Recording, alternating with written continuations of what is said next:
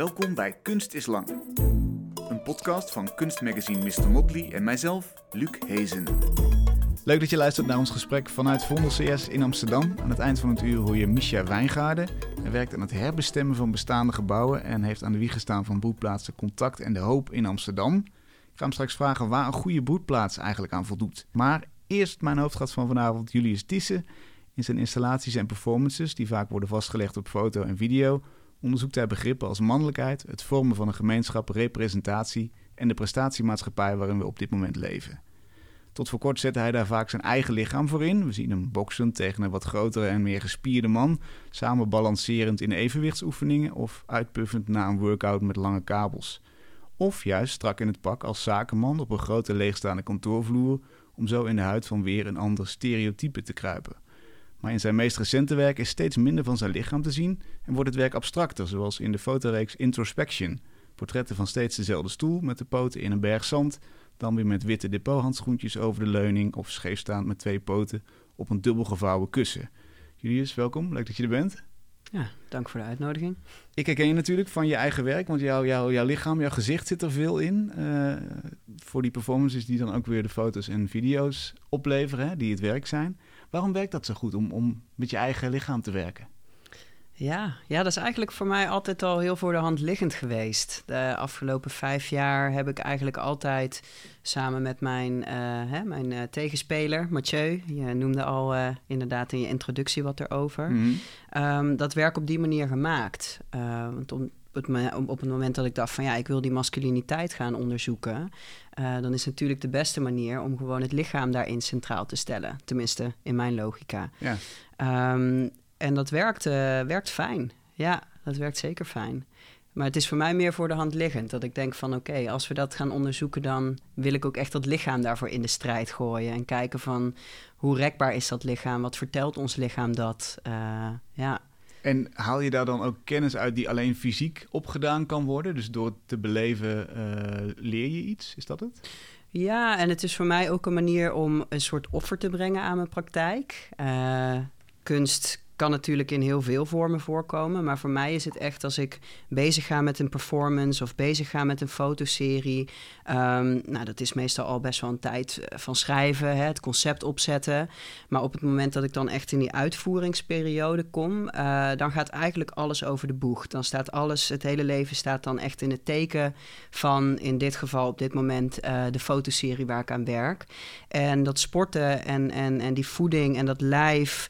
Um, ja, dat, ik moet mezelf continu herinneren en inzetten ten gunste van dat fotoproject. Okay. Dus dan train ik ook echt tien uur in de week uh, in de sportschool. Um, eigenlijk om gewoon volle bak, zowel met geest en lichaam, helemaal mezelf over te geven eigenlijk aan zo'n, aan zo'n project. Ja, en niet alleen met het idee van, nou, dan zie je er op een foto op een bepaalde manier uit, of dan word je heel fit. Dat, dat zijn allemaal bijkomstigheden. Mm. Het is echt zo van, hoe ver kun je gaan om je echt te geven aan dat werk? Dus het is echt een uh, ja, soort ah. offer. Ja, ja, ja. ja. En, en wat voor staat brengt jou dat dan? Wat is, is dat concentratie of is dat... Uh... Ja, echt een hele erge focus. Ja, komt denk ik ook wel door mijn verleden. Was ik heel erg veel bezig met, uh, met sport, ook met topsport. Okay. Uh, Wat deed je? Ik, uh, ik, ik, ik, voetbalde. Oh, ja. um, het zit ook in de familie. Mijn, mijn tante die is meervoudig Paralympisch kampioen rolstoeltennis. Dus daar ben ik echt mee opgegroeid. met haar eigenlijk als boegbeeld. En die sport, dat wou ik ook heel erg graag achterna. Maar door een blessure en op een gegeven moment ook dat ik merkte die interesse in kunst begon te krijgen uh, verdween dat toen eigenlijk naar de achtergrond. En toen mijn afstudeerproject eigenlijk om de hoek kwam kijken en ik onderzoek wou gaan doen naar de macho sportschoolman, introduceerde die sport zich eigenlijk opeens weer. Oh ja. Um, en ja, vroeger als ik bezig was in voorbereiding voor wedstrijden, dan had je zo'n topsportersmentaliteit. Gewoon blind staren op die ene prestatie in dat kleine tijdsbestek. Um, en ik denk dat dat voor mij nog steeds in mijn systeem zit, ook met mijn kunst. Ja, dus uh, dat is denk ik uh, ja, een beetje door mijn verleden ook geïnformeerd. Dat ja. dat lichaam daar een onderdeel van moet zijn. Ja, precies. Dat het lichaam ja. ook de hoofdrol speelt. Want je zou ook kunnen denken, misschien is het, gaat het om concentreren, gaat het om boeken lezen, gaat het om uh, uh, met mensen praten of zo, maar het is echt lichamelijk gedreven. Ja, dat is een van de facetten. Ja, en daarin uh, is de focus denk ik wel het, het, het meest vooraanstaande uh, wat ik daar uithaal. Ik vind het ook heel fijn om bijvoorbeeld met topsporters samen te trainen. Uh, ik train nu bijvoorbeeld ook veel met, uh, met Taina da Silva. Dat is uh, Europese kickboxkampioene. Mm -hmm. ja, die hebben ook gewoon zo'n focus. Die willen ook gaan voor die ene match. En bij mij is dat dan misschien een fotoserie. en voor haar is dat dan misschien een, een kickboxwedstrijd. Ja. maar we staan er met dezelfde focus en toewijding. En ja, dat, dat zijn de mensen en de energieën die ik graag om me heen heb. ja. en, en bij een voetbalwedstrijd weet je dan wat het doel is letterlijk en figuurlijk. Je weet gewoon ik, eh, hoe je die wedstrijd moet spelen. Weet je dat bij een fotoreeks ook en bij een, bij een fotowerk?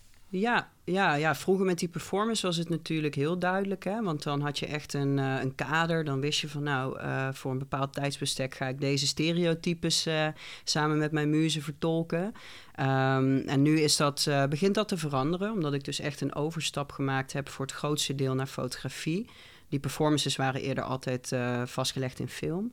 Um, en nu heb ik wel een duidelijk idee. Met de serie waar ik nu mee bezig ben, uh, weet ik dat er bijvoorbeeld 13 beelden zijn.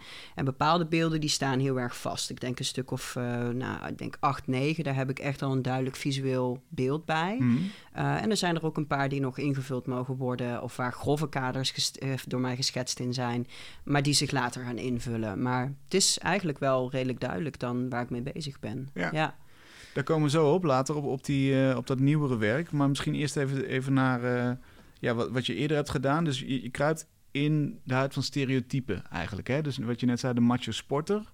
Ja. Um, het gaat veel over competitie, over sport, over kracht. Nou, deels zei je al omdat het ook in je eigen achtergrond zit. Uh, waarom interesseren die thema's je? Los van, ja, kijk, het, je, je, eigen persoonlijke mm -hmm focus op sport, snap ik. Maar, maar ook in maatschappelijke zin. Ik bedoel, het is breder dan, dan alleen dit. Ja.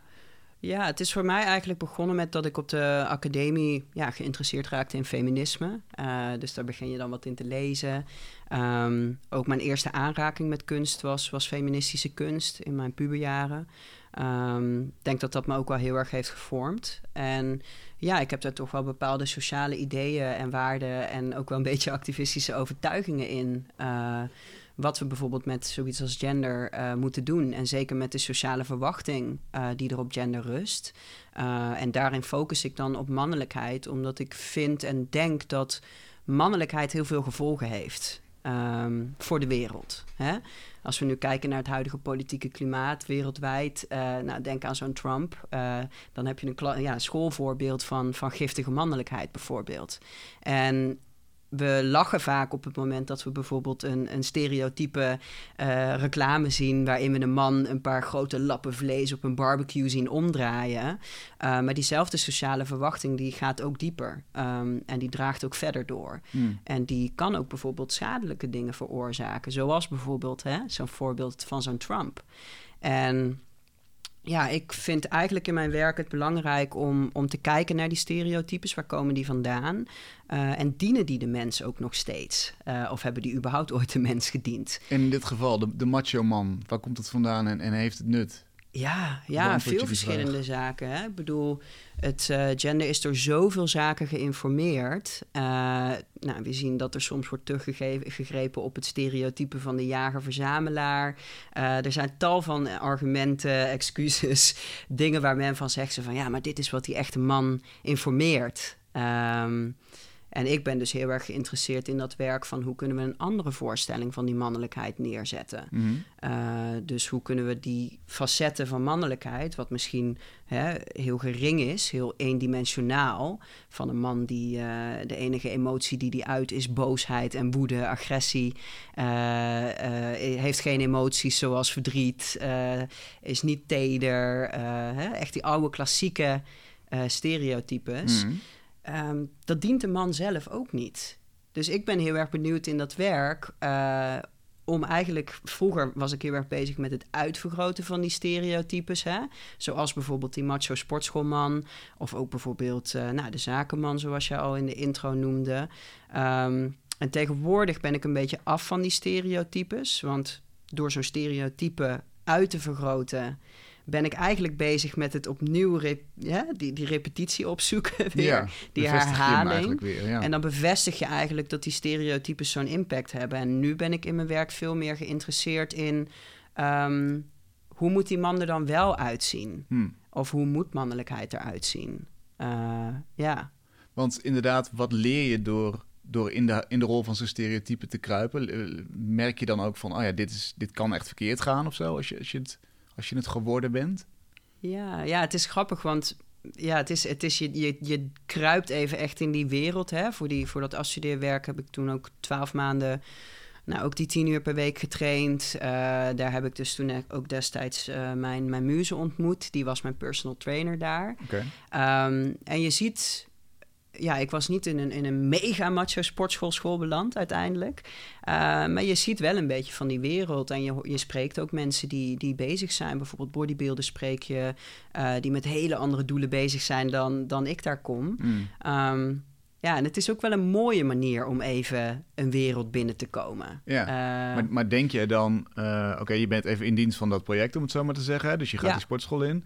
Maar denk je dan van, wat een, wat een rare wereld, of deze mensen zitten vast? Of... Nee, wat, nee, wat, nee. Uh... nee, nee, nee. Dat is altijd heel aandachtig. Ik zou ook nooit een stereotype pakken om uh, daar even binnen te komen en even te exotiseren. Ik heb dan ook oprecht wel een, een, een openheid en interesse uh, je gaat nergens objectief in natuurlijk. Ja. Um, maar ik wil daar ook echt iets van leren. Ik wil daar ook echt iets van opsteken. En ja, uit veel van de projecten die ik heb gedaan met die stereotypes zijn ook uh, ja, vriendschappen ontstaan, nieuwe gewoontes ontstaan.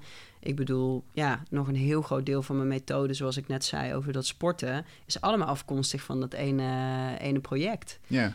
Um, en ja, het, het, het is ook soms heel verrassend wat voor een onverwachte zaken je tegenkomt. Zoals? Ehm, nou, ik heb één performance gedaan. Uh, qua beeld vind ik dat nu misschien minder sterk. Uh, um, en ook inhoudelijk misschien politiek. Waarin ik onderzoek deed naar de soldaat. Uh, kan mezelf nu de vraag stellen, een paar jaar later, van is het ook niet een beetje een verheerlijking van, hè, van het oorlogs en dat geweld uh, om, om zo'n soldaat af te beelden? Dus dat is nu een beeld waarvan ik uh, ja, ook weer mijn second uh, guesses heb van... ben ik in de positie om dat zo uit te beelden en uh, na te bootsen? Wat zagen we op het beeld? Uh, we zagen, ja, er is een fotobeeld en een performance. Mm -hmm. um, en de titel van de performance is One Size Fits Nobody. Uh, het verwijst naar het One Size Fits All principe hè, van, van kleding die iedereen zou moeten passen. En in dit uh, geval eigenlijk een verwijzing naar mannelijkheid. dat de nauwe mannelijkheid, zoals ik hem net ook omschreef, eigenlijk niemand past in mijn optiek. Um, maar dat was een heel intiem project, omdat uh, mijn muze, die heeft bij de mariniers gezeten. Uh, ik zal daar niet te veel op ingaan, want dat is ook een beetje een code, hè? Dat, dat mariniers niet over hun verleden daarin praten. Maar hij heeft wel het een en ander in vertrouwen ook gedeeld. Ja, hoorde ik ontzettende mooie verhalen over tederheid, broederschap, die mij heel erg verrasten. Want ik had echt het, idee van, oh, die wereld die is hard, die is alleen, die is hè, heel individueel. Mm. Um, maar eigenlijk in geen enkel ander onderzoek uh, heb ik ooit zoveel zachtheid en tederheid uh, ja, te horen gekregen. En het was grappig omdat het dus ook zo dicht bij huis was voor mijn muze, omdat hij zelf zo'n verleden daar heeft liggen. Ja. En normaal gesproken zijn die stereotypes redelijk ver van ons bed mm. uh, in die zin. Um, en wat, wat, wat vind je de functie als je zo met stereotypes bezig bent? Wat, is dan de functie van een stereotype eigenlijk? Heb je daar... Ik wou het uitvergroten om te laten zien ook hoe niet functioneel het eigenlijk is. Dat was destijds heel erg mijn, mijn doel daarmee. Zo van oké, ehm, nou, we kruipen natuurlijk visueel gezien in die rol. En in iedere performance stond ook echt een handeling centraal. Uh, dus in die eerste performance was het bijvoorbeeld die, die afstudeerperformance van die macho man. Was het echt dat trainen en dat boksen. Dus dat was een bokswedstrijd tussen mij en Mathieu. Waar ik uiteindelijk het onderspit delf uh, en in huilen uitbarst. Uh, echt tot de uitputting. Mm. Dat was ook de regel. Voor mij was er geen uitweg. Ik moest of fysiek niet meer kunnen of mentaal. Dus of ik word nog uitgeslagen of ik krijg geen adem meer of er gebeurt iets anders. Of inderdaad emotioneel uh, komt er een limiet en dat was in dit geval dan emotioneel. Um, dat was overigens eigenlijk wel een beetje de regel met alle performances. Een van ons twee moet echt niet meer kunnen, dat is het einde. Um, en bij die One Size Fits Nobody, die, die soldatenperformance, was het worstelen. En uiteindelijk eindigt dat in een, in een best fikse wurggreep, uh, waar ik ook overigens weer het onderspit delf. Mm. Um, en alle performances die gingen eigenlijk tot zo'n zo'n limiet, zo'n climax. En eindigden vervolgens op een knuffel of een omhelzing. Uh, toch weer zo'n heel tederend, eh, vertederend en ja, broederlijk, uh, broederlijke afsluiting. Met eigenlijk een beetje de boodschap van ja, dit wat we doen met dat idee van mannelijkheid. Dat het, die agressor, die, die, hè, die, dat geweld, dat maar door blijven ploeteren, dat, dat is uiteindelijk niet haalbaar. Voor niemand niet. Ja. En um, ja, dat was eigenlijk met die vroegere performances een beetje het doel. En dan ook inderdaad dat, het afbreken van het stereotype en een ander perspectief erbij plaatsen. Ja. Um, Want uiteindelijk eindigden al die stereotypes in elkaars armen toch oh wel weer. Ja. Wat overigens ook iets was wat ik me pas later uh, realiseerde. Want er waren bepaalde zaken die we natuurlijk afspraken. Hè? Van nou, dit is de handeling die we doen. Of misschien een klein stukje choreografie. Maar de rest was echt helemaal aan het moment. Hmm. Uh, hoe ver we gingen, wat de afsluiter was, wat de reactie van ons was. Um, dus daarin was de emotie of de uitkomst niet gescript. Yeah. Um, dus later, toen ik al die performances ging terugkijken, ik geloof een keer met een curator, toen kwam naar voren van: hé, hey, waarom sluiten al die performances zich eigenlijk af met zo'n knuffel, zo'n omhelzing? En toen toen draaide er in mijn hoofd iets om en toen dacht ik: wow, dat is eigenlijk waar al die performances over gaan. Die knuffel, hmm. die tederheid, dat is wat ik wil laten zien. Heb ik dan alles wat daarvoor afga aan vooraf gaat nog wel nodig? dus dat was best wel een artistieke crisis die denk ik nou een beetje zich voort heeft gezet in toch wel ja, het werk wat ik de afgelopen jaar of twee maak. Ja. ja.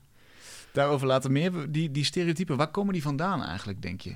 Is, is, dat, is dat biologie? Is dat wat we onszelf hebben verteld, wat we hebben aangeleerd en doorgeven? Ja, ik geloof erin, wat ik net ook al zei, dat dat van heel veel facetten afhangt. Ik denk voor een groot deel waar ik mijn onderzoeken ook op baseer, is media. Dus waar groeien we mee op? Welke beelden worden daar geschetst? Ehm, welke films kijken we? Welke reclames zien we? Hoe beïnvloedt ons dat ook in die sociale verwachting? Um, dus ik denk heel erg een beetje die mainstream hè, popcultuur, mhm. die media ook. Uh, dat is waar ik me vooral op baseer. Um, en natuurlijk, als je echt in het feminisme duikt, dan kun je dat ook verder herleiden. Hè? En dan krijg je ook, wat ik, wat ik net ook al zei, je kunt op verschillende manieren kijken naar gender. Uh, ik vind het altijd een beetje onzin als we gaan zeggen: ja, de man is hoe die is vanwege dat jager-verzamelaar perspectief. Mm. Um, maar ik denk dat eigenlijk ja, die imprinting van die media, uh, die popcultuur, dat is waar ik me voornamelijk op focus. En dus ook die stereotypes zijn ook vaak afkomstig uit die, uit die wereld, uit die voorstelling. Ook in de handelingen die ze uitvoeren, als het ware. Want, ja. want het, is, het is bijna. Uh je bent snel geneigd om te denken, ja, maar dat was misschien vroeger zo, misschien de generatie van onze ouders. En dat wordt al in rap tempo minder. Zie, zie je dat ook gebeuren? Dat, dat die continu dat in media herhaald worden. Ja, die, die, die ehm. mannelijkheid van alleen maar stoer mogen zijn, niet mogen huilen, sterk zijn, continu. Nou, ik denk nog steeds dat, dat een huidig marketinglichaam nog steeds wel flirt met die ideeën. Ja, het is natuurlijk ook een verdienmodel, gender. Hè? Ik bedoel, als we echt gaan kijken, heel bot op het lijf, op, op de ervaring van iemands gender, dan hebben we daar heel veel dingen die gemarket worden als zijnde mannelijk of vrouwelijk, uh, helemaal niet voor nodig. Uh, is dat echt iets wat ontwikkeld is eigenlijk, of ontstaan is door dat bewustzijn, ook door zo'n marketing heen. Mm. Um, dus ik denk dat ik, ik zie het zeker nog wel terugkomen, maar ik zie ook wel meer verscheidenheid daarin, meer variatie. En sowieso ook op het gebied van representatie. Hè? Wie zien we ook in die spotjes? Dat, dat begint ook heel erg te verschuiven op dit moment. Daar begint ook een diversiteit in te komen. Dus ik heb wel het idee dat we enigszins uh, een beetje meer ruimte in de kaders beginnen te krijgen van mannelijkheid. Um, maar we zijn er nog niet van af. En tegelijkertijd denk ik ook dat het moet kunnen. Hè? Als, als, als een mannelijke persoon echt heel erg geniet van dingen die toevallig heel erg gemarket worden als mannelijk, dan moet dat ook kunnen. Maar ik vind het heel belangrijk dat we op de hoogte zijn van het feit dat mogelijk die keuzes daarin beïnvloed kunnen worden hmm. door iets buiten ons. En niet iets wat intrinsiek van onszelf is. En dat vind ik heel belangrijk. Dan kun je nog zo'n stereotype man zijn. Als je je maar bewust bent van het feit ja, dat dat een eigen keuze is. En dat komt dat niet het toevallig overeen. Precies. In plaats van dat, je, dat het een dwingend kader is waar je nou eenmaal aan moet voldoen. Ja, ja. En dat, dat, dat is denk ik waar ik heel erg in sta. Hè. Soms dan vragen mensen aan mij ook zo van... ja, maar wil je dan dat de hele maatschappij ik weet niet hoe ze er dan op komen, genderneutraal. Uh, dan denk ik, nee, dat is precies juist niet wat ik wil. Ik wil dat iedereen zijn eigen keuzevrijheid heeft en geïnformeerd keuzes maakt in, hey, hoe uit ik me? Wat is mijn expressie? Uh, hoe verhoud ik me tot die wereld, tot een ander, tot mezelf? Dat, dat vind ik belangrijk, dat we daar geïnformeerd keuzes in kunnen maken. Ja. ja, want heel veel mensen zullen daar helemaal niet bij stilstaan, denk ik eigenlijk, toch? Bij hun, bij hun genderidentiteit. Nee, nee. Ja, ik, ik zelf persoonlijk wel, omdat ik, ja, ik ben transgender, uh, genderqueer, transmasculien persoon. Uh, dus voor mij was gender iets wat niet vanzelfsprekend was en is. Ja. Um, en vaak spreek ik met mensen die uh, cisgender zijn. De omschrijving van, of ja, de uitleg van cisgender is um, dat je op je plek voelt. Eigenlijk met de rol die jou is aangewezen uh, bij geboorte. Mm -hmm. uh, wat iemand dacht af te lezen van jouw lichaam, als het ware. Ja, alvast ingevuld had. Alvast ingevuld had mm. op, uh, op de papieren na het zien van jouw lichaam. Um, die denken vaak zelf dat ik de genderhebbende partij ben en zij niet. Terwijl die termen die we daar dus voor gebruiken, hè, op het moment dat iemand zelf niet weet van, oh, die termen die ik gebruik om mijn identiteit bijvoorbeeld uh, te omschrijven, hè, in mijn geval is dat transgender en genderqueer, um, dan wordt een gesprek ook heel moeilijk. Hè? Als iemand naar zichzelf, ik hoor vaak in die gesprekken bijvoorbeeld zo van, oh ja, ja, jij bent trans, ik ben normaal. Terwijl als we die termen wel allemaal kennen, als we die termen wel kunnen inzetten, um, dan kunnen we zo'n gesprek ook veel beter geïnformeerd en gelijkwaardiger aangaan. Hè? Op het moment dat een cispersoon naar zichzelf als cisgender verwijzen van oh, ik heb jouw ervaring niet, want ik ben zelf cisgender, maar ik hoor wel graag meer over jouw ervaring als transpersoon. Uh, zij het in zaken ongelijkheid bijvoorbeeld, of uh, hè, mensenrechtelijke zaken. Die gesprekken die zullen dan echt een stuk gelijkwaardiger uh, gaan ontstaan. Ja, in plaats van dat, dat je als het ware de buitencategorie vervult, belichaamt. Ja, ja, ja. Gewoon, gewoon een van de opties ernaast. Mm ja, en je krijgt er natuurlijk ook veel, veel tegengas op. Hè? Want dan zegt mensen van ja, we moeten af van die hokjes, we moeten af van die kaders. Want die kaders die begrenzen ons, die staan eigenlijk onze vrijheid in de weg. En ik denk daar ja, eigenlijk precies het tegenovergestelde van.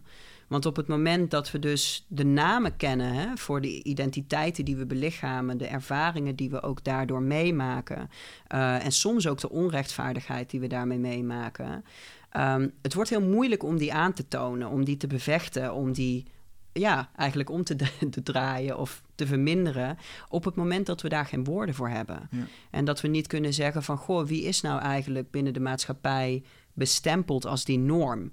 Wie heeft eigenlijk de privileges? Wie, wie kan heel erg makkelijk in deze maatschappij bewegen en wie niet?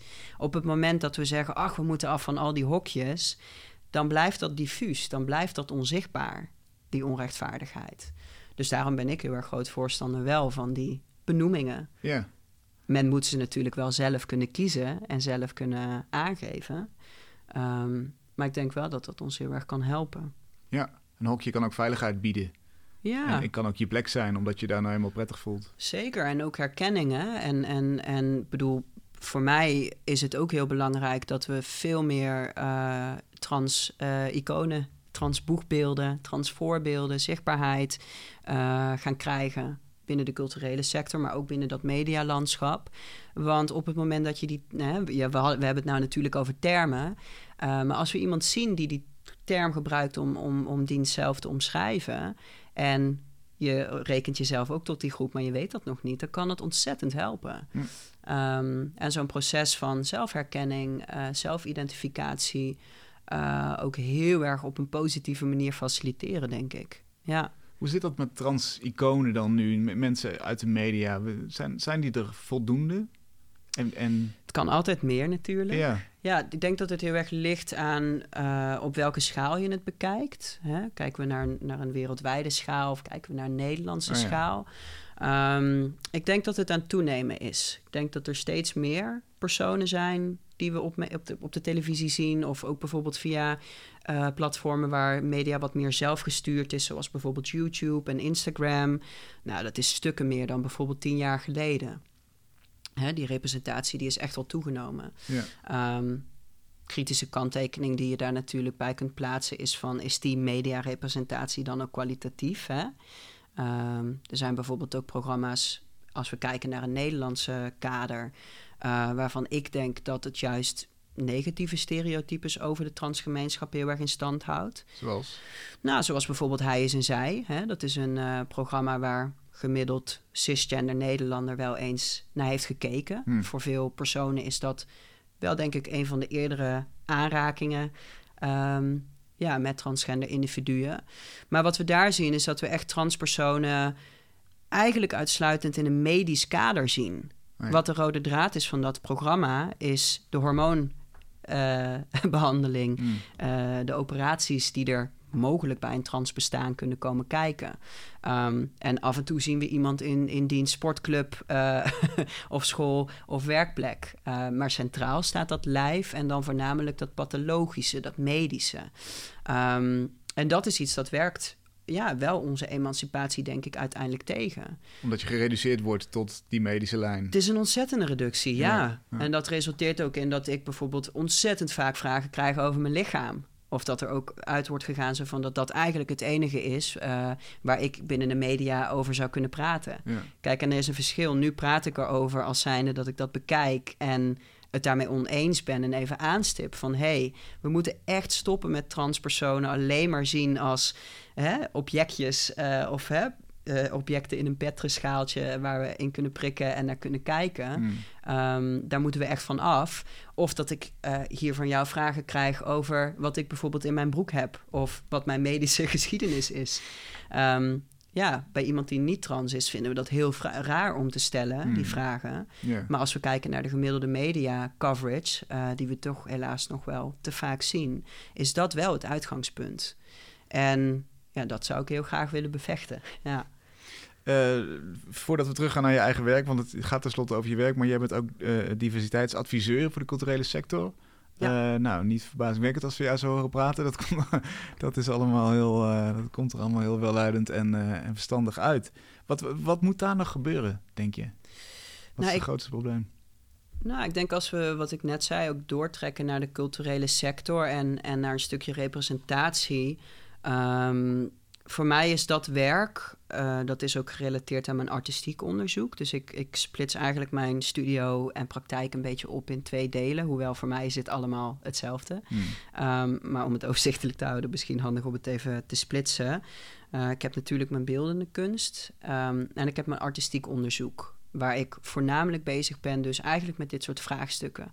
Uh, van hoe divers is die culturele sector? Uh, wat zegt de culturele sector te willen zijn? Hè? Wat zijn de targets die ze daar voor zichzelf instellen? Um, en ik ben eigenlijk dan geïnteresseerd om de vraag te stellen: waarom dan? En als we dat echt willen, hoe kunnen we dat dan ook echt op een ethische um, en respectvolle manier doen?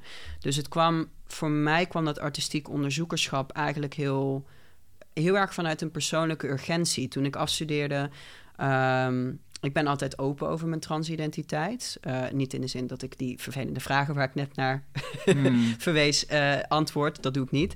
Um, maar ik ben wel open over het feit dat ik trans ben. Um, en ik merkte dat ik eigenlijk alleen maar uitgenodigd werd voor themaavonden.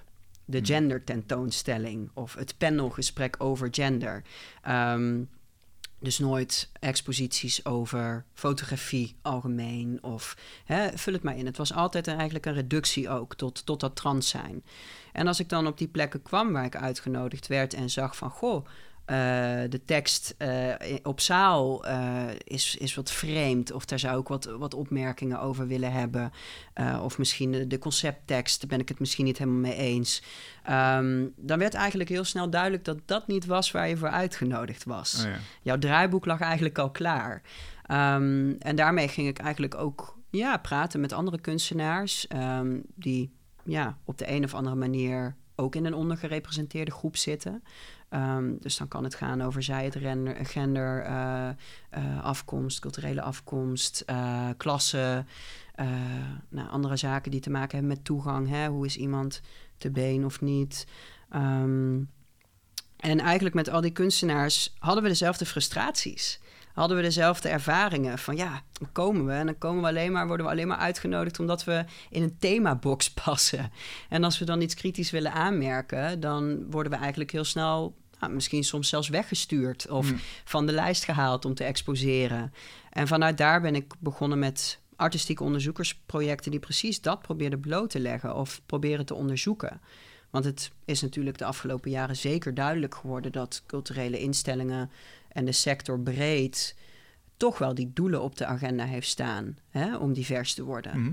En voor mij is dan vaak de vraag wie, wie verzint dat en wie gaat dat uitvoeren? En worden de gemeenschappen die nu niet in die sector aanwezig zijn, waar eigenlijk dan een target op gezet wordt, hè, van nou, die zouden we meer willen, willen trekken, zijn die onderdeel van de tafel waar die gesprekken besproken worden, waar die gesprekken gevoerd worden.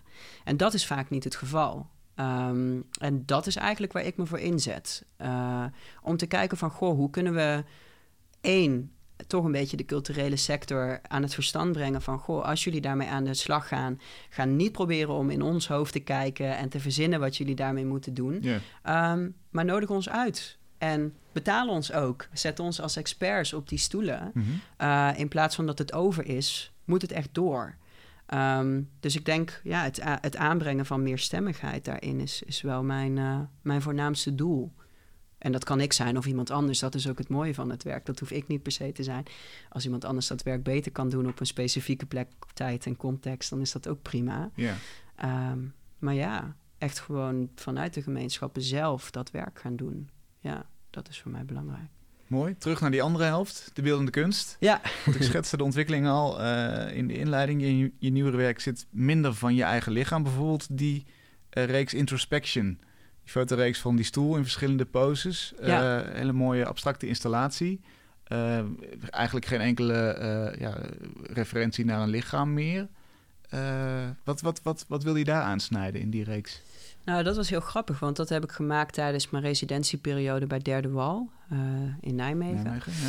En dat begon eigenlijk nog als een fysieke residentie. Uh, bij Derde Wal staat eigenlijk de openbare ruimte centraal. Um, en eigenlijk laten ze kunstenaars heel vrij om daar iets mee te doen.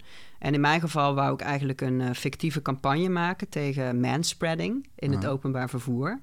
Dat, dat, zijn mannen die met hun benen wijd zitten. Mannen die met, eh, ja, met hun benen heel erg uh, onbeschaamd uh, breed zitten. Mhm. Nou, je ziet ook wel wat tendensen door openbaar vervoermaatschappijen, eigenlijk wereldwijd, die daar bijvoorbeeld ook hun eigen campagnes over beginnen uit, uit te zetten in hun metro's. En, dus ik vind dat dan interessant. Ik ben dan geïnteresseerd in, ah, goh, uh, hoe wordt dat opgezet? Waarom wordt dat opgezet? Wat is het uh, effect daarvan? En wat doet manspreading eigenlijk met zo'n openbare ruimte? Dus daar wou ik eigenlijk mijn eigen variant uh, van gaan van maken. namelijk, kun je dat heel kort schetsen? Wat, wat doet het? Nou, ik denk dat het in mijn korte onderzoek wat ik daarvoor heb gedaan... want uiteindelijk moest ik ervan af omdat ja, openbaar vervoer kwam plat te liggen door COVID-19. Dus toen leek het niet mij heel erg nuttig om een campagne daarvoor te starten. Ehm, het, het intimideert denk ik heel erg. En ik denk dat het ook heel erg te herleiden is naar een stukje sociale opvoeding. Hè? Ik, ik zelf heb een sociale opvoeding van een vrouw. Um, waarin mij werd geleerd van neem maar niet te veel ruimte in. Uh, doe die benen maar bij elkaar. Doe ze maar over elkaar. Um, waar als we naar een sociale opvoeding kijken die klassiek uh, toegeschreven wordt aan mannen, wordt gezegd zo van kijk, als je aanwezig bent, als je laat zien dat je er bent, hmm. als je die ruimte inneemt, uh, dan ga jij dingen bereiken. Dan ga jij op hoge plekken komen. En ik denk dat dat manspreading daar toch ook wel een beetje een gevolg van is. Dat mannen zichzelf ook wel gerechtigd voelen om plek in te nemen in de openbare ruimte. Ja. En dat kan soms ten koste zijn van het comfort en de ruimte die een ander in die ruimte in kan nemen. Die zich misschien niet met die vorm van het etaleren. Uh, want het is eigenlijk een beetje het etaleren van, denk ik, ook die mannelijkheid. Mm. Um, ja, die zich, daar, die zich daar onveilig of onprettig door kan voelen. Mm. Ja. Oké, en toen, toen kwam corona. Toen kwam corona. ja, en dat was uh, één dag nadat ik op locatie was geweest bij een historisch trammuseum waar we de foto zouden gaan schieten ter oriëntatie. En toen dacht ik, ja, het, het OV komt stil te liggen. Uh, mensen gaan thuiswerken als ze het privilege hebben om thuis te kunnen werken. Um, dus dat OV ligt voor een groot deel stil. Dus dat leek mij dan niet zo'n goed idee meer. Um, en toen ja, was het eigenlijk voor alle kunstenaars, uh, ook voor Elfie en Sabina, die destijds met mij in de residentie zaten, best wel even de vraag van ja, wat ga je dan doen? En ik dacht, oké, ik moet dan denk ik mijn studio in mm. en gaan kijken hoe ik grip kan krijgen op deze situatie. Uh, ik denk dat heel veel kunstenaars ondertussen werk hebben gemaakt over corona.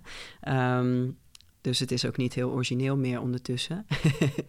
Maar ja, het raakt ehm, ons allemaal, dus in die zin, ja. Ja, en dat was eigenlijk die serie met die stoel, was eigenlijk een gevolg van dat ik echt ging nadenken: oké, als ik dat, dat, dat lijf uit dat werk wegneem, want dat was voor mij destijds heel erg de ervaring. Ik denk dat die serie ook heel erg mijn ervaring is. Destijds van die eerste onzekere maand van, van COVID-19. Ehm, wat blijft er dan eigenlijk over? Met welke objecten, materialen werk ik dan veel in mijn studiopraktijk? En toen werd ik me eigenlijk bewust dat die stoel altijd zo'n centraal onderdeel is. Zowel bij mijn eigen beeldende kunst als ook mijn fotografie en opdracht. Ehm, zet ik veel objecten, mensen. Ehm, dus objecten en mensen, mensen zijn geen objecten, uh, op die stoel neer. Dus hmm. toen dacht ik van, goh, wat, wat kan ik met die stoel gaan doen eigenlijk om, om ja, te refereren op verschillende uh, zaken die nu met corona voor mij heel, heel voelbaar zijn. Bijvoorbeeld een stoel op die, op die, op die berg zand is heel erg dat, dat idee van dat isolement. Um, en op een ander beeld ligt bijvoorbeeld een medicijnbal, uh, waar ik al eerder sculpturen mee heb gemaakt, met een touw eroverheen, wat eigenlijk die curve dan weer symboliseert. Dus dat is weer meer visueel uh, aspect wat ik daar probeerde op te zoeken. Wat is dat precies? Een medicijnbal is, ja, is eigenlijk ook weer een sportobject. Ja. Dus het sporten is ook iets wat vaak op visuele manier in mijn werk terugkomt. En dat is een uh, object, uh, ja, een heel interessant object voor mij, wat we gebruiken binnen de fitness. Um, ik zag gewoon een basketbal eigenlijk, maar het is, het is een, het is een medicijnbal. Een, verzwaarde bal. Ja, het is een, een verzwaarde bal. Uh, ja, en ik vind dat een interessant object, omdat dat eigenlijk een van de weinige objecten is waar niet een competitieve sport mee beoefend wordt. Dus een medicijnbouw is echt een object wat we gebruiken voor eigenlijk bijvoorbeeld revalidatie, ehm, het sterker maken van ons eigen lichaam. Dus dat is een heel individueel iets. Hm. We zien natuurlijk wel dat het soms bij CrossFit wel eens ingezet wordt als, als element, als object. Ehm, maar in de grootste zin is dat echt iets wat gebruikt wordt voor het zelf versterken van het lijf. Dus dat is waarom ik een medicijnbouw weer een interessant object vind. Ja. Ehm, dus eigenlijk, ja, die serie was, uh, ging over uh, introspecties die ik had door corona. Ja, en precies. ging ik echt op zoek naar visuele vertalingen van die, van die introspecties. En, en waar komt die stoel dan eigenlijk vandaan? Wat, wat maakt dat het zo'n geliefd object al voor corona? Nou, ik denk dat het voor mij binnen mijn fotografie is het heel erg belangrijk om echt met heel erg veel aandacht te kijken naar de persoon die ik portretteer, bijvoorbeeld. Ik, ik maak veel portretten. Ehm, en die stoel was eigenlijk een manier om mensen ook uh, comfortabel te laten voelen. Op het moment dat je iemand op een stoel neerzet, is er al een heel groot gedeelte uh, van het lijf waar ze niet meer een soort pose in hoeven aan te meten. Um, en dat is heel erg prettig. Kijk, tuurlijk, hè, modellen die dat als carrière nastreven, die kunnen ieder deeltje van hun lijf heel erg mooi uh, pasturen en, en uh, hè, neerzetten. Um, iets wat voor mij niet per se heel interessant is. Ik ben meer op zoek naar een band die ik met iemand kan scheppen. Uh, in het vastleggen van zo'n portret. En die stoel was er eigenlijk een tool voor. Dat ik dacht van, goh, hey, als ik iemand op zo'n stoel neerzet, zijn ze eigenlijk veel meer bezig met, ja, met meer in de, dus ze komen meer in de ruimte in plaats van dat ze bezig zijn met het ongemak wat ze voelen uh, door, het, door, het, door het moeten poseren, bijvoorbeeld. ja. Dus eigenlijk begon het heel erg als praktische tool en begon ik het eigenlijk ook visueel steeds uh, prettiger te vinden om daarmee te werken. Ja. ja. Je begon eigenlijk de, uh, een van de eerste vragen te beantwoorden met dat je nu met een reeks bezig bent, een nieuwe reeks van een mhm. aantal foto's. Ja. vertel, waar gaat dit over? Ja, uh, nou, dat is dus een fotoserie met, uh, van 13 beelden. Uh, de titel is A Gentle Decompression. Vrij vertaald is dat een tedere vermindering van de druk. En het gaat overkoepelend over mannelijkheid en mentale gezondheid. En mentale gezondheid is, vind ik, wordt gelukkig ook steeds vaker besproken. Maar dat is echt een onderwerp wat veel meer op de kaart moet komen te staan. En dat moeten we veel meer gaan ja, bespreken en accepteren als belangrijk onderdeel ook van, van de mannelijke identiteit. Um, En ja, die fotoserie is, ja, is dus een, een, een luik eigenlijk van 13 beelden. Ehm, en ieder beeld heeft weer of een hele persoonlijke of een hele maatschappelijk activistische uh, context. Uh, en in ieder beeld pak ik daar eigenlijk iets aan wat ik ja, in contact voel staan met die mentale gezondheid. Met hm. als doel eigenlijk om de druk te verminderen die ik zelf noem voel. Noem eens één. Um, nou, één is bijvoorbeeld uh, eigenlijk een, een wachtkamer. Dan zien we een heel abstract, uh, geabstraheerde wachtkamer. En dat gaat heel erg over de huidige staat van de transzorg, de gezondheidszorg in Nederland. Um, wat ik vaak hoor van mensen is zo van... oh, wat fijn dat we in een land leven waar alles toch kan, hè? En dan refereren ze naar bijvoorbeeld het opzoeken van medische uh, trajecten. Hmm. Um, niet ieder transpersoon heeft daar overigens behoefte aan. Een transitie hoeft niet medisch te zijn. Um, terwijl eigenlijk de staat van de transzorg in Nederland er helemaal niet zo goed aan toe is... vanwege hele lange wachtlijsten... Um, het VU, ja, volgens mij heet het nu het AMC, het Amsterdamse Academische Ziekenhuis, um, heeft heel erg lang eigenlijk een soort monopolie gehad, ook op die transzorg. Um, die transzorg was ook altijd heel erg ja, een soort poortwachterschap. Het was niet een plek waar je komt uh, om jezelf in een veilige manier te ontdekken of waar je echt hulp krijgt. Je hmm. wordt daar eigenlijk meer getoetst uh, dan dat je geholpen wordt. En nou, die wachtlijsten die er ook zijn. Hè? Sommige mensen uh, staan twee tot drie jaar, soms langer op een wachtlijst voordat ze een eerste persoon uh, spreken. Terwijl op het moment dat je je uh, zelfidentificatieproces een beetje uitgevogeld hebt en, en noodzaak voelt om bijvoorbeeld medische hulp te zoeken, dan heeft dat echt wel een urgentie. Hmm. En eigenlijk met dat fotobeeld wil ik daar uitspraak over doen. Hoewel het heel abstract is, maar zien we daar eigenlijk een, ja, een soort onheimliche, desolate wachtkamer. En dat kan twee, twee, twee uitwerkingen hebben. Natuurlijk zien we nu in zijn actualiteit toen ik begon met het schrijven van dit project, was dat, was dat natuurlijk heel anders. Want ik ben daar anderhalf jaar geleden mee begonnen. Um, en nu, in de, in de actuele context, zouden we kunnen stellen van... goh, die wachtkamers zijn leeg, omdat de zorg ook stil komt te liggen door zo'n COVID-19. Wat dus nog grotere gevolgen heeft voor die wachtlijsten. En anderzijds zou ik heel erg graag de vraag willen stellen... Wat gebeurt er op het moment dat wij niet meer zo hè, gemedicaliseerd worden en echt autonomie over onze eigen lichamen krijgen. En niet meer die tussenstap nodig hebben, hebben van dat poortwachterschap. Dus dat die eh, wachtkamers straks leeg zijn. Uh, omdat we onze eigen autonomie hebben over die lichamen. Hmm. En niet meer die medische toetsing, als het ware, uh, nodig hebben. Dat we daar zelf stappen in kunnen zetten. Um, ja. Dat die wachtkamers om die reden dan leeg zijn. Nou, dus dat is dan een iets maatschappelijker beeld.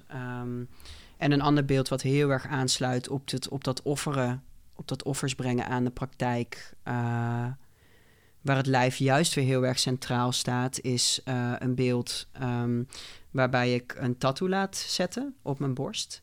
Waarbij ik eigenlijk een, een typografisch werk, uh, wat in een eerder werk van mij is voorgekomen, uit 2019, waar we op een witte vlag, vlag heel erg groot never zien staan. Um, die never die komt op mijn borst te staan. En dat gaat ook in een tijdsbestek van zes uur moeten gebeuren. Um, en dat zie ik dus heel erg als een performance. En één of meerdere beelden die daar dus uit voortkomen, is dat je eigenlijk een soort documentair beeld ziet uh, van, van die tattoo, van die mhm. sessie. Mm -hmm. En een ander beeld wat ik daaruit voort laat komen, is dat ik in een hele grote, overdreven witte, uitlopende flare uh, broek met die, met die borst, met die never erop, eruit piepend zo, uh, als een soort ja, standbeeld in die studio weer sta. Wat dus eigenlijk dan ook weer de relatie op moet zoeken voor mij uh, tussen mijn lijf en bijvoorbeeld die vlag die ik eerder maakte. Mm -hmm.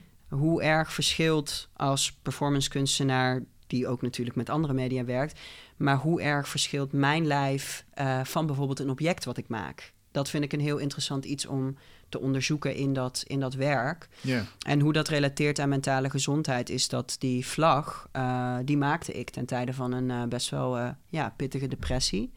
En op dat punt merkte ik dat ik eigenlijk conceptueel en visueel niet echt aan werken toe kwam.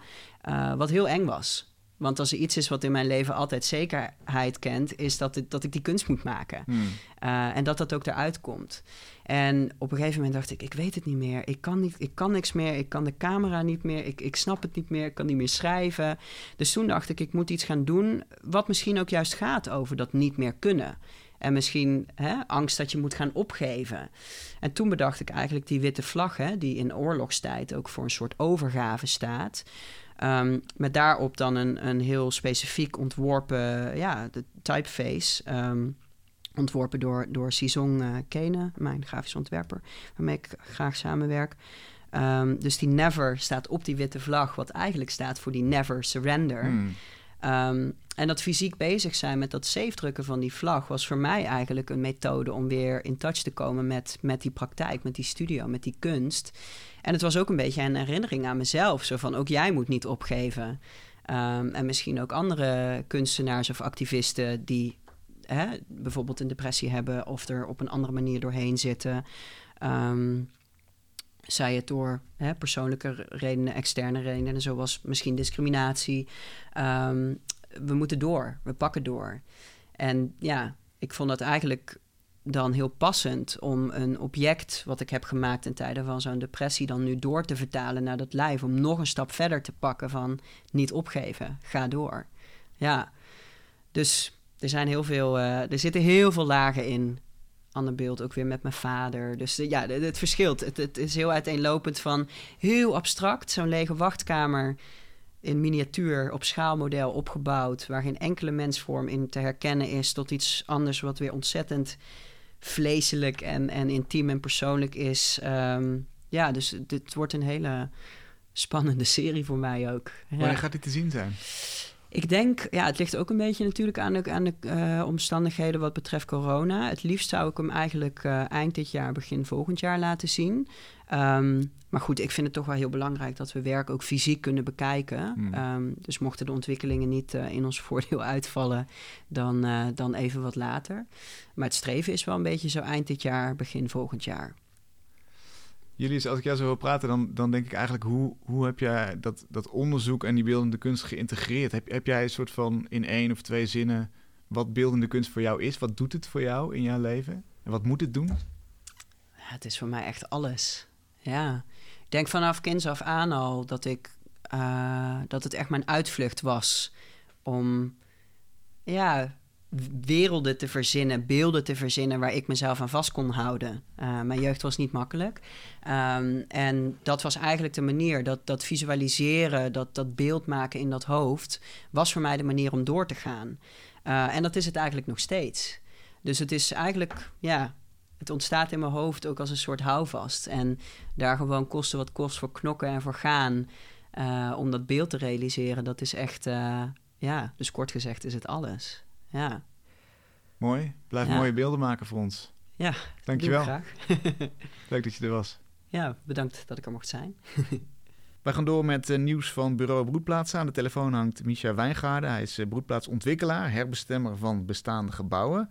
Micha, welkom. Wat, wat doet een broedplaatsontwikkelaar eigenlijk precies? Een uh, broedplaatsontwikkelaar helpt laten we zeggen, creatieve broedplaatsen, creatieve verzamelplaatsen te maken in, in de stad. En, en waar, waar moet zoiets aan voldoen? Ja, want dat, dat klinkt allemaal heel uh, open en vrij. Maar waar, waar moet zoiets aan voldoen? Nou, ik denk, uh, vaak is het toch open, open en vrij. Het begint eigenlijk met een groep, uh, vaak kunstenaars of creatieve, creatievelingen, die een goed idee hebben en dat idee in een gebouw willen, willen realiseren. Mm En daar een plekje voor zoeken en eigenlijk een, een gemeenschap daaromheen bouwen. En uh, waar het aan moet voldoen, dat verschilt echt per plek. Uh, en, en ook uh, per, per, per, groep. maar eigenlijk zijn het altijd hele hechte gemeenschappen en communities waar kunst gemaakt wordt. Ja, en heb jij dan het idee dat het vooral vanuit dat sociale, dat dat op de eerste plek staat? Of is het vooral de kunst die mensen bindt en, en dat die zich vervolgens gaan organiseren? Nou, wat ik vooral zie is dat het... Um, dat mensen mooie dingen willen doen en mooie dingen willen maken. En dat dat ze bindt. En als je dan kijkt naar de verschillende broekplaatsen, bij de een gaat het meer over maken. Bij de andere zijn het, zijn het weer vrije kunstenaars die elkaar gevonden hebben. Mhm. het zijn groepen muziekmakers die dingen met elkaar doen. Dus er is vaak wel op de inhoud een soort gemeenschappelijke deler die die groep bij elkaar brengt. Ja. En um, wat is heb jij een idee of een beschrijving van wat nou de, de ideale broedplaats is? Of, of wanneer de broedplaats als concept het best tot zijn recht komt? Nou, wat je heel vaak ziet is dat uh, vooral de inhoud wel goed gaat. Uh, maar dat het altijd wel moeite kost om een mooie plek te vinden die ook betaalbaar is. Mm. Uh, dat het ook wel moeite kost om het financieel rond te krijgen. Daar speelt natuurlijk de gemeente Amsterdam ook vaak een, een belangrijke rol in. Um, en uh, dat, het, ja, dat het soms ook wel lastig is als groep om met elkaar je te organiseren. Um, ik, ik, denk dat dat er vaak de uitdagingen zijn waar die groepen voor staan. En op inhoud zijn ze natuurlijk uh, een kei in wat ze doen heel vaak. Oh ja, dus meer het zakelijke aspect eigenlijk, waar wel wat ondersteuning bij nodig is soms. Ja, soms. En, en uh, wat je ook ziet is dat ik denk dat broekplaatsen ook vaak wat trotser op zichzelf mogen zijn. Hmm. Uh, vaak zijn uh, broekplaatsen beginnen natuurlijk vaak op, in, in, gebieden die, ehm, nou ja, die, die aan het transformeren zijn. Hè? Die van, van, van, van oude gebieden naar, naar nieuwe woonwijken gaan of naar nieuwe hippe hotspots in de stad. En ik denk dat broekplaatsen af en toe best trotser op zichzelf mogen zijn dat ze daar aan, aan de wieg staan van zo'n ontwikkeling. Dat ah. misschien ook wel af en toe wat meer te gelden mogen maken bij, bij de partijen die dan uh, na de kunstenaars komen. Ja, ja, ja, precies. Ja. Dus niet in, als, als, als uh, laten we zeggen, uh, plaatsopvuller tijdelijk, maar gewoon echt, echt je plek opeisen als een, als, een, als een partij die een waardevolle bijdrage heeft geleverd. Nou, dat, dat, dat wil niet zeggen dat je, dat je voor altijd moet blijven, want volgens mij zoeken een heleboel roepplaatsen ook juist de rauwe randjes. En, en, en, die, zijn juist, die gaan weer door naar het volgende rauwe randje. Maar wat je wel zou kunnen uh, bespreken met degene die erna komen, is uh, of je mag meeprofiteren van uh, de, de, de waardesprong die daar gemaakt wordt in zo'n in zo'n gebied. Hm. En dat kan ook betekenen dat je dat weer meeneemt naar het volgende plekje met het rauwe randje. Ja, precies. En zijn dit, zijn dit soort adviezen de adviezen die jij geeft aan, aan broedplaatsen en de begeleiding? Want jij was betrokken bij, bij Contact, bij De Hoop, bij Broedplaats Bouw. Wat, wat, wat, uh, wat, wat, wat, is jouw functie eigenlijk? Hoe, uh, hoe ja, nou, bij, bij, bij uh, Contact Amsterdam was ik een van de initiatiefnemers. En hebben we met een groepje ontwikkelaars, ja, drie, drie ontwikkelaars samen, hebben we bedacht dat het heel mooi zou zijn als de corporate wereld, en in dit geval was dat ingenieursbureau Royal Haskoning, BHV, als we die zouden kunnen mengen met jonge ontwerpers en kunstenaars. en dat ze samen aan stadse vraagstukken zouden kunnen werken. Mm uh, dus daar hebben we het, uh, het, plan uitgewerkt en de plek ook echt gerealiseerd. Maar bijvoorbeeld bij De Hoop, uh, daar waren, was een groep initiatiefnemers. En die heb ik dan geholpen met ja, raad en daad over hoe organiseer je nou dingen. En hoe, hoe, hoe, hoe organiseer je nou je financiën. En, en hoe zorg je dat de governance blijft kloppen en dat soort dingen. Mm. En dan zit ik veel meer in een adviserende, adviserende rol. Maar het is altijd een boeiende wereld om met deze groepen te mogen samenwerken. Ja, ik denk dat Amsterdam tamelijk uniek is als stad in dit beleid, hè? Dit, dit broedplaatsenbeleid in Nederland in ieder geval. Uh, ja, je ziet wel heel veel steden waar, uh, laten we zeggen, um, nou ja, waar, waar, waar uh, dit soort plekken gefaciliteerd worden. Maar eigenlijk is Amsterdam de enige die er een heel formeel beleid van gemaakt heeft. Ook met daaraan gekoppeld een, nou ja, zeg, een financieringsregeling en nu ook dat je bij de Triodosbank uh, kunt uh, lenen met een gemeentegarantie. Mm Dus uh, Amsterdam is wel heel ver. Amsterdam heeft heel goed gezien daarin dat, dat dit een enorme impuls kan zijn voor de creatieve sector. En dat hier toch ook een heleboel pareltjes weer uit naar voren komen. Ja. En wanneer is zo'n broedplaats eigenlijk geslaagd? Wat, wat, wat, hoe zou je die waarde van een broedplaats omschrijven? Nou, ik denk wat, ik, wat je heel vaak ziet is dat een broedplaats een enorme uh, belangrijke rol speelt bij het, maken van een gemeenschap. Niet alleen in de broedplaats, maar ook in de buurt van uh, en in de directe omgeving van zo'n plek. Um, het is ook wel echt geslaagd als, uh, als er gewoon mooie producten uitkomen. Dus ik heb de meest mooie meubels uit een broedplaats zien vertrekken of couturiers die prachtige dingen maken. Dus, dus, er worden echt hele mooie dingen geproduceerd. Mm. en ja, ik vind het zelf altijd heel mooi als er onverwachte verbindingen en relaties ontstaan van partijen die elkaar daarvoor niet kenden. Ja. Zijn er nu ehm, onder de radar broedplaatsen die, die, die op gaan komen? Zeg maar? Zijn er nieuwe plekken die erbij komen? Weet je daar, heb je daar weet van? Ehm, ja, er zijn, er zijn wel weer nieuwe plekken. Er zijn altijd nieuwe plekken die weer komen. Ze hebben het wel moeilijk, want uh, Amsterdam is natuurlijk ook aan het bezuinigen. En, en de ontwikkeling gaat niet altijd even, even makkelijk. Um, je ziet vooral heel veel jonge groepen met hele goede ideeën die ook qua organisatorische uh, kanten nog wel een steentje in de rug kunnen, kunnen gebruiken. En ik zou het zelf heel mooi vinden als we het idee wat we bij contact hadden om, laten we zeggen, de corporate wereld te verbinden aan de broedplaatsen, als we dat verder kunnen uitbouwen en ook meer broedplaatsen kunnen maken waar de subsidiekraan wat, wat minder gebruikt zou kunnen worden. Ah, precies. Dat zou de volgende stap zijn om, om het, het zelf rendabel te maken. Ja, en ik denk dat er best wel wat uh, kansen zijn. Want uh, nou ja, zoals ik zei, ik, ik, denk dat broedplaatsen echt een enorme waarde hebben voor de stad. Dank voor je toelichting. Volgens mij zijn we weer een hoop wijzer geworden. Blijf lekker doorgaan met, met nieuwe broedplaatsen. Oké, okay, dankjewel. dankjewel, Micha. Ziens. Tot zover Kunst is Lang van deze week. We zijn er volgende week weer en dan is Pieter Paul Pothoven hier. Graag tot dan.